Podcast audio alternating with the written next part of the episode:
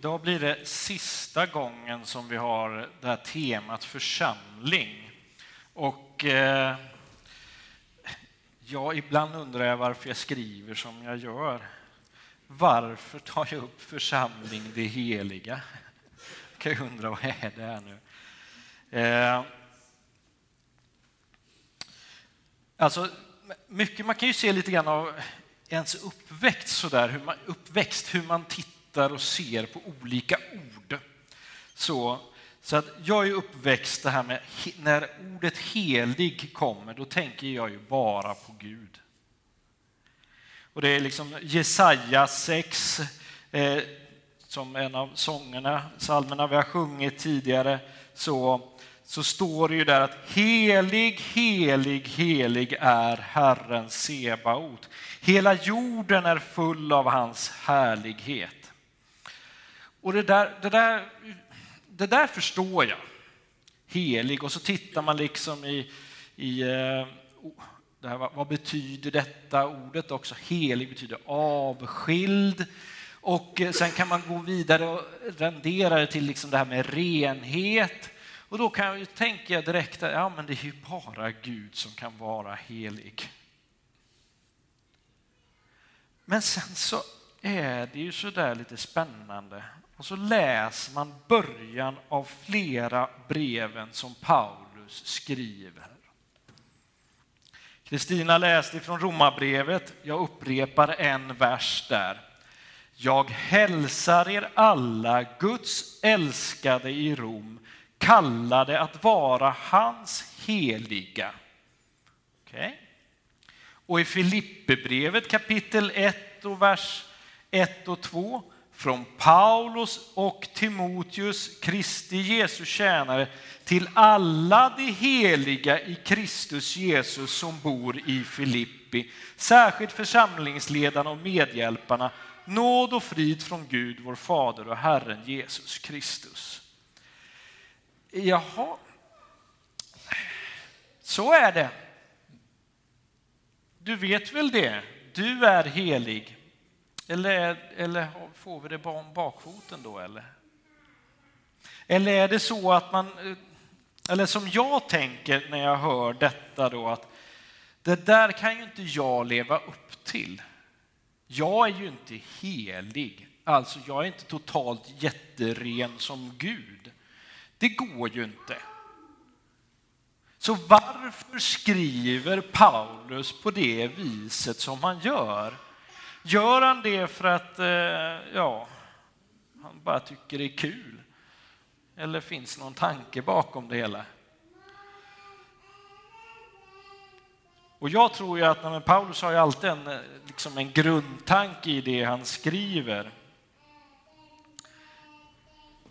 Om Gud är den som är trefaldigt helig, så att säga, och sen är det så att i ljuset av Jesus Kristus samt i jämförelsen av alltså vi kristna och folket Israel som då också kallas Guds utvalda folk. Eller? Alltså i jämförelsen där så lägger ju sen då Paulus samma sätt på oss kristna. Alltså Guds utvalda folk är Israels folk, men det är också de kristna. Och där är de heliga. Eh, och det är egentligen lite så vi kanske ska se det när man pratar om det heliga. Och då handlar det lite mer om identitet som Paulus vill trycka in i församlingarna. Det är ungefär som att, hallå, hörni, nu skriver jag till er och det viktiga här nu, hallå, vakna, vakna, det jag skriver glöm inte att ni är eh, heliga genom Jesus Kristus. Ni är ett utvalt folk. Alltså ungefär som var, alltså gömmer inte bakom en predikstol höll jag på att säga, utan Våga stå upp för er tro. Ni är de heliga, utvalda. Res på dig. Så. Så kan jag tänka mig att det är en del av detta med helighet. Och det pratas om de kristna som folk. Och eh, det där är lite intressant, alltså om man tittar i, i Romarbrevet som eh, Kristina läste där så märkte ni det att det var flera gånger som sagt pratade om helighet eller heligt. Och då var det så att eh, de heliga skrifterna hade vi. Och så går vi vidare att eh, det var, ska vi läsa här, andens helighet. Och sen går man vidare till att sen blir det i plural, alltså eh, Guds älskade i Rom kallar att vara hans heliga, alltså som folk.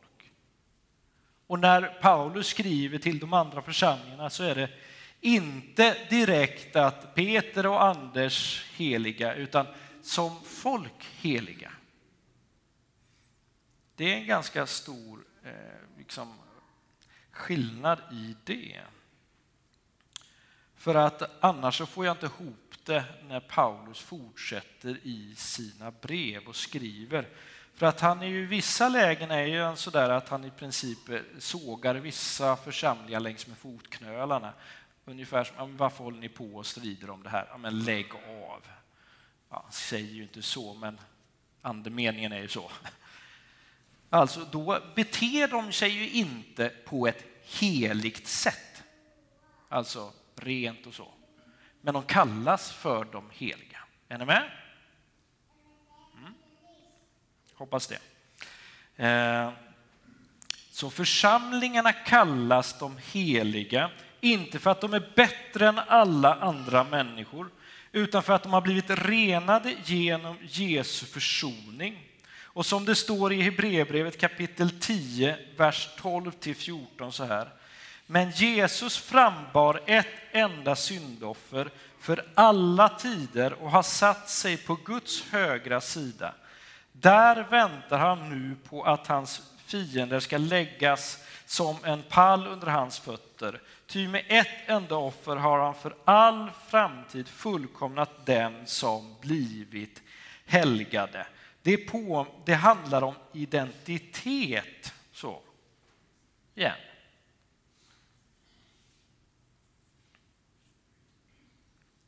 Och som en logisk fortsättning på detta så anser Paulus då att vi ska sträva efter att bli lika Jesus. Som det står i Filipperbrevet kapitel 2, vers 12-16.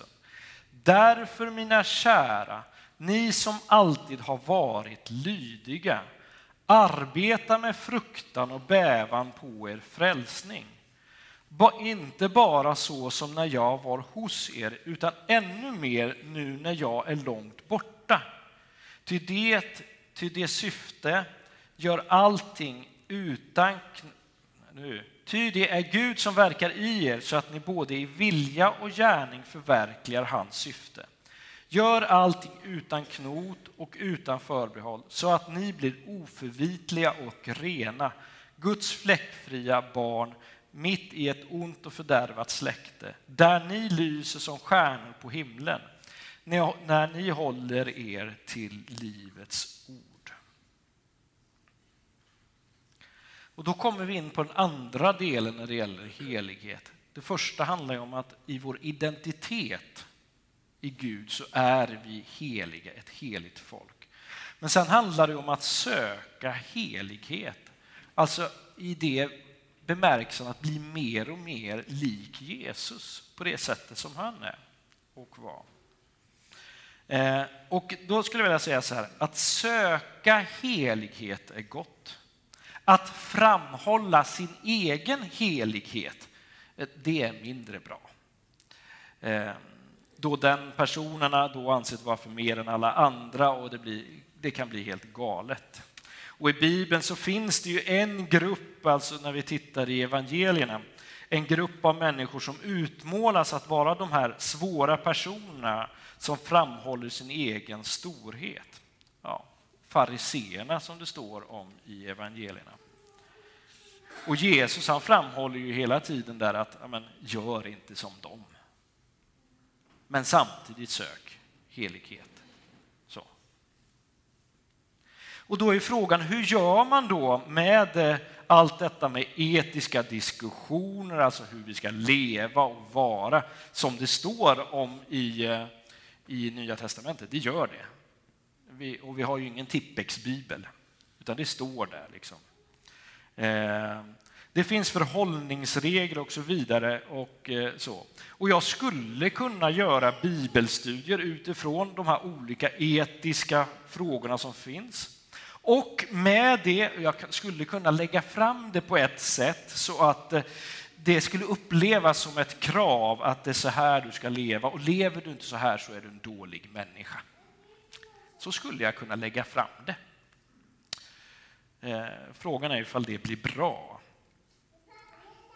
När det kommer sådana här krav på oss eh, så kommer det alltid finnas grupper som uppnår målen och kan anse sig vara bättre än alla andra. Och då blir det inte bra i slutändan.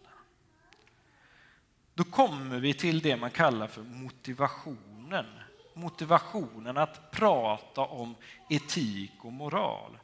Varför framhålla vissa etiska normer?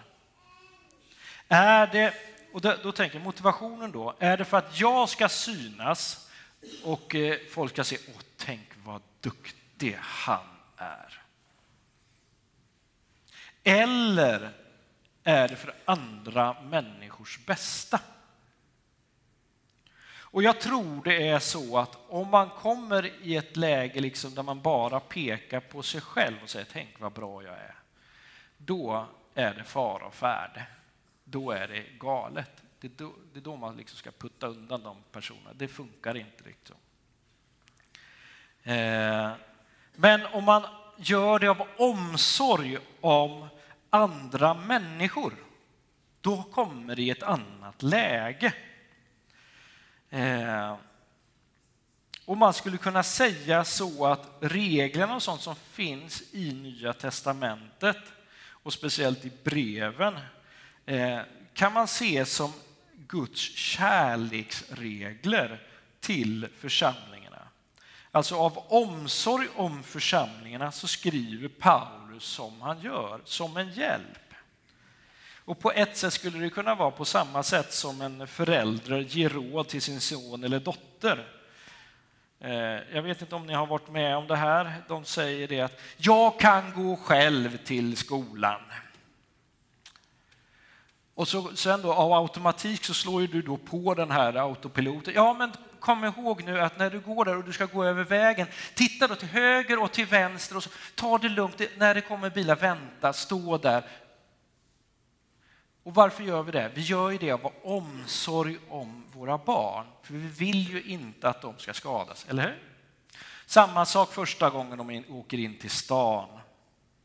Ja, ni vet, ta 27 den går ju här ute och sen ska ni åker ni ner. Glöm inte att gå av på rätt ställe och sen när du ska åka hem så är ju bussen på andra sidan. Och så glöm inte att se att det är nummer 27. Ja, och sen när du är där, alltså håll koll på plånboken. Ja, känner ni igen det här? Ja. Och första gången de ska låna bilen.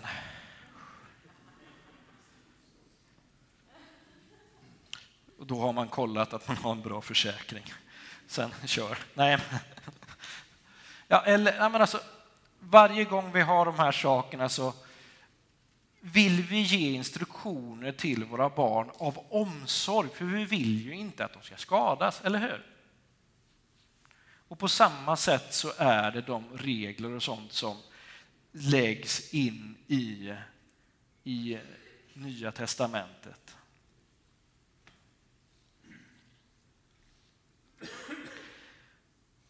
Och om man använder och tanken då att man gör det här av omsorg om andra så får det här en liten bättre dignitet eller man, ser det på ett bättre sätt. Eh, Karl-Erik Salberg som jag tycker är en otroligt bra eh, människa eh, som eh, startade eller fortsatte, kom ju till Klara kyrka. Eh, och eh, de upptäckte ju det att den, den stora gruppen som de jobbade med rent diakonalt, det var ju missbrukare och prostituerade. Och eh, de hjälpte ju de här personerna rent socialt. Men de upptäckte ju det att de måste sätta lite regler också för att det skulle fungera. För att de skulle må bra. Eh, och där blev det så ganska klart att ja, som en konsekvens att vi riktar vårt diakonala arbete mot de här grupperna så var det så att ja, det var viktigt att kyrkan var en drog och alkoholfri zon. Det blev ganska självklart. Eh, nattvardsvinet var alkoholfritt och på fester som de hade då förekom inte ens lättöl då det även kunde trigga en människas missbruk. Alltså var det klart, det här måste vi hålla bort. Det måste vara en sån zon för att de människor som vi möter och som är här, för att de ska klara sig. Därför så gör vi så här. Alltså, man pekar utanför sig själv. Och för att de ska göra, klara detta behöver vi göra det här. Alltså om jag tycker att en lättöl, det är ju gott, men av solidaritet med dem och för att hjälpa dem, ja, men då avstår jag det när jag är i kyrkan.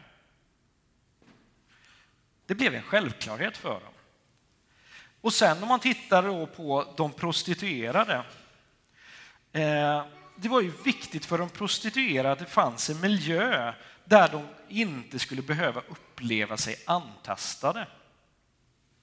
De skulle känna en trygghet. Och då är frågan, hur gör man det? Ja, men en del handlar ju om att ha en undervisning för oss män. Hur beter du dig gentemot en kvinna på ett bra sätt? Du ska inte liksom eh, utsätta människor för fara på olika sätt.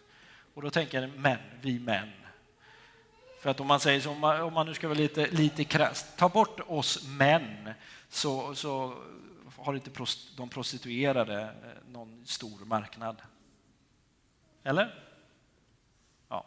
Men det går ju inte att plocka bort oss män, utan vi behöver ju lära oss i så fall ett sätt att förhålla oss bättre. Och i en konsekvens av detta sen då, så undervisar de Eh, om sexuell återhållsamhet innan äktenskapet. För det handlar ju om att då får ju då, då vi män får ju lära oss att ja, men det, det tillhör äktenskapet. Eh, vilket innebär då att ja, men då går jag ju inte till en prostituerad. Alltså ja, blir det ju lugnare för dem. Det blir en konsekvens av deras sociala arbete. Så gör de de här etiska normerna och reglerna. Och jag tror att när man tittar på etiska regler utifrån att man gör det här för någon annan varför gör vi det här? För att vi vill hjälpa människor. Då kommer den i en helt annan liksom, vågskål, man säger, än att nej men du måste göra så här, du måste göra så här, du måste göra så här.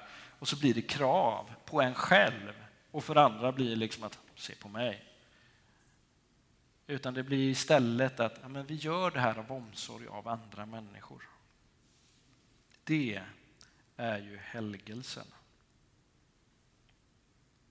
Och när det gäller helgelse så är det som om Jesus pekar på vårt hjärta och säger med Ordspråksbokens ord mer än allt annat, vakta ditt hjärta, ty hjärtat styr ditt liv. Alltså därifrån så blir våra handlingar.